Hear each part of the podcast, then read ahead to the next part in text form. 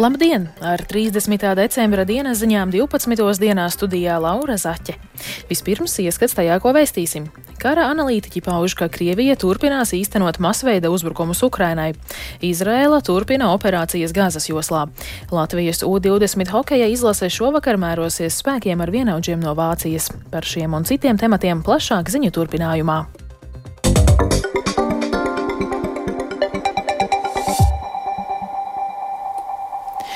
Krievija turpinās veikt masveida raķešu un dronu uzbrukumus Ukrainā, tā norāda rietumu valstu analītiķi.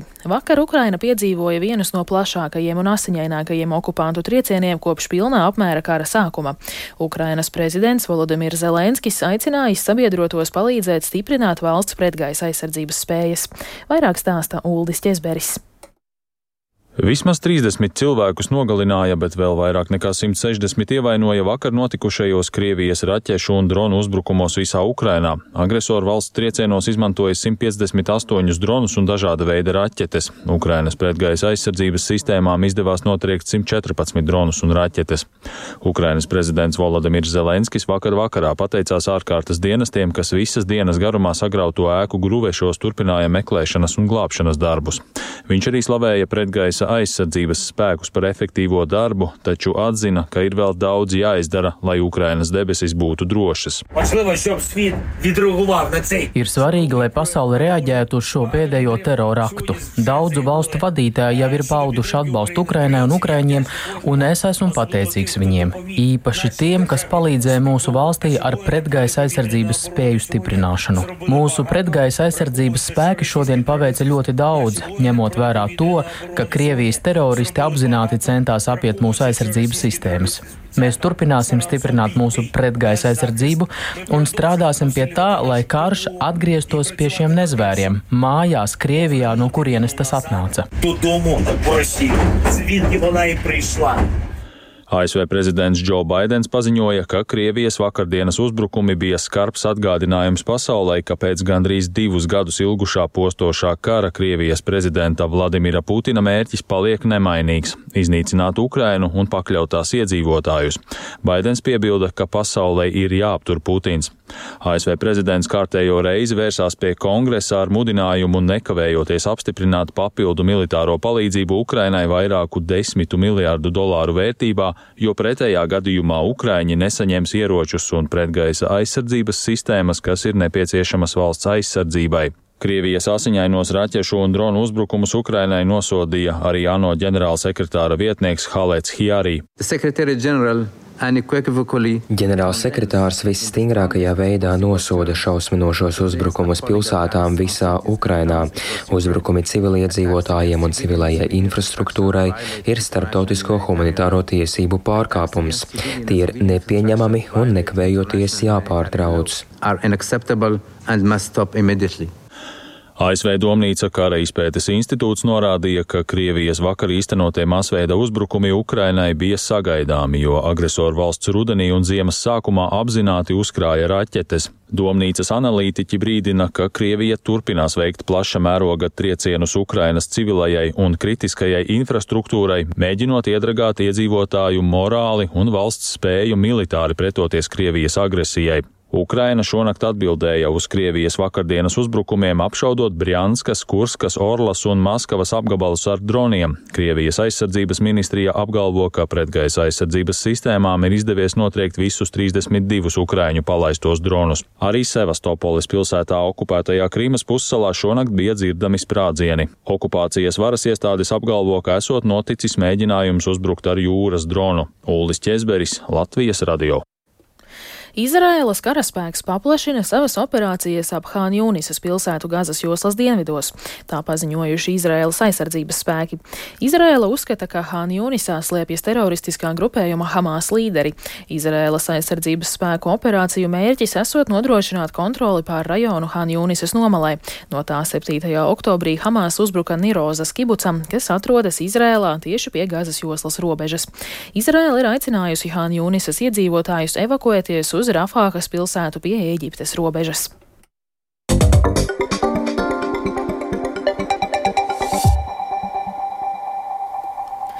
Labi iekārtota Skanstes apkaime, pārbūvēta 5. un 7. tramvaja līnija un pārkārtots satiksmes departaments. Tie ir daži no Rīgas domes šī gada plāniem, kas tā arī nav realizēti. Tos pašvaldība plāno pabeigt turpmākajos gados. Savukārt pilsētas aktīvistu biedrībā un domes opozīcijā norāda uz viņu prāt ļoti lēno civilās aizsardzības attīstību. Domē gan aizbildinās, ka nākamajā gadā iedzīvotāju aizsardzībai plāno veltīt vairāk nekā 400 tūkstošus eiro, kas pēc pašvaldības teiktā ir būtiski vairāk nekā šogad. Kas jaunajā gadā mainīsies un vai rīdzinieki iespējamām krīzes situācijām būs labāk sagatavoti? Par to plašāk Viktora Demidova sižetā. Rīgā šogad ir pabeigti vairāki būtiski satiksmes infrastruktūras projekti. Tas ir Dauderes salas pārvads, vairāk nekā 12 km garais veloceļš Imanta Daugaugrīva, Brasas tilts un šomēnes atklātā austrumu maģistrāle. Taču ar daudz dzīvokļu māju siltināšanu galvaspilsētai iet slikti. To atzīmē Rīgas apkaimju aliansē, norādot, ka piemēram Valmierai un Limbažiem ar to sokas krietni labāk. Biedrībā arī uzskata, ka Rīgā trūkst vietu, kur aktīvisti varētu varētu pulcēties, izvērtēt domas darbu un paši iesaistīties pilsētas attīstībā. Risinājums Pašvaldībai nevajadzīgus īpašumus vajadzētu atdot, piemēram, apkaimes biedrībai, nevis kādam par zemu cenu pārdot. Tā saka alianses vadītājs Māris Jansons, norādot, ka pilsētai būtu aktīvāk jāattīsta civilā aizsardzība. Šī doma jau tur redz ir pareizais virziens, uztaisīt normālu pārvaldu ar labiem speciālistiem, bet vai tur būs arī pietiekami daudz naudas tām aktivitātēm, Es ceru, ka būs. Nu, tas ir tāds gadiem ielaists jautājums. Tāda sajūta, ka tas ir vairāk tāds viss politisko partiju izšķiršanās jautājums, un viņi te pārvaldei tur iedos to naudu kaut kādām aktivitātēm, kā viņi prasa, vai arī iedos tur uh, trešo daļu un teiks, vairāk mēs jums nedosim, mums vajag citur. Un es teiktu, ka šī ir tā vieta, kur nevajag taupīt. Kopumā Latvijā situācija ar civilās aizsardzības attīstību ir satraucoša, tā uzskata domas opozīcijas deputāts Andris Morozovs no saskaņas, sakot, ka Igaunija iespējamām krīzes situācijām ir ievērojami gatavāka. Rīga nekas nav ne gatavs, ne arī liecina par to, ka mēs tuvākajā laikā būsim gatavi. Ja mēs runājam par 25. un 6. gadu, skatoties uz to pašu Real Baltiku ievilkto projektu, tad nu, mēs neesam pārliecināti, ka mēs 25. un 26. gadā varēsim runāt par to, ka darbi ir pabeigti. Mums jau bija tāpat kā Igauniem jāpabeidz šie darbi, jo nevis atkal tikai runāt un vāvuļot, bet uh, sen jau bija jāizstrādā un jāizdara sekojošās uh, gan uh, darbus, gan arī pieņemt arī mērus, lai šajā gadījumā iedzīvotāji saprastu un zinātu, kas viņam jādara, ja nu kaut kas slikts varētu notikt. Šogad Rīgā izveidoja civilās aizsardzības un operatīvās informācijas pārvaldi, kuras pārziņā ir nodrošināt, lai rīdzinieki iespējamām krīzes situācijām būtu gatavi. Par veiksmīgu šo gadu sauc pārvaldes vadītājs Gins Reinsons, kurš gan nevarēja pateikt, cik daudz naudas civilai aizsardzībai Rīga šogad ir veltījusi. Reinsons apgalvo, ka nākamajā gadā tai plānots atvēlēt 420 tūkstošus eiro, kas pēc viņa teiktā ir krietni vairāk nekā šogad. Jāmin to, ka esam izstrādājuši Rīgas valstspilsētas sadarbības teritorijas civilās aizsardzības plānu, aktualizējuši vairākas tieši sadaļas būtiski, ja tās mainot. Viena ir par eh, radiācijas piesārņojumu, par ekstremāliem laika apstākļiem un, protams, pasākumu militāru apdraudējumu vai kara gadījumā, kā arī pasākumu kiberdrošībā. Šo civilās aizsardzības plānu mēs eh, paredzam publicēt eh, janvāra beigās pēc Rīgas domas sēdes. Nākamajā gadā pašvaldība taisās arī rīkot praktiskas mācības, kurās iedzīvotāji varēs apgūt iemaņas, ko darīt potenciālo draudu gadījumā. Viktors Demidovs, Latvijas radio.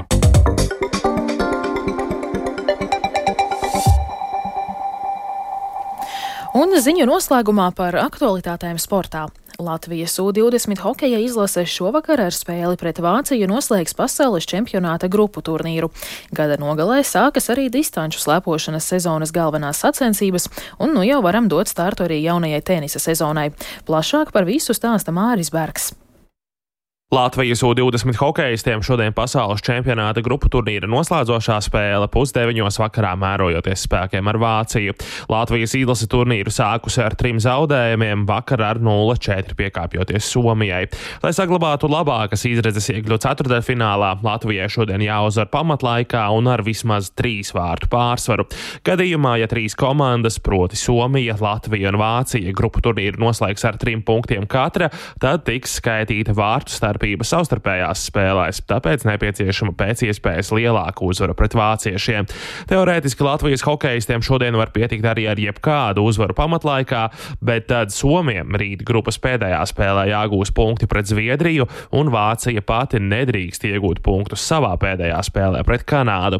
Ja Latvija nespēs uzvarēt pamatlaikā, janvāra sākumā būs jāspēlē par palikšanu elites divīzijā. Valsts vienības galvenais treneris Ārtis Ābols pēc spēles sarunā ar Hokeja federāciju federācijas pārstāvjiem vakar norādīja uz nemācīšanos pašiem no savām kļūdām. Lai uzvarētu vienu no šīm komandām, mums vajadzēja būt varoņdarbu izdarīt. To mēs neizdarījām. Tur viss spēlē pieaugušā līgās, kurās mēs nespēlējam. Varbūt viegls attaisnojums, bet vēlams būtu bijis, lai mēs mācāmies no svešām kļūdām, bet līdz šim mēs neesam mācījušies no savām kļūdām.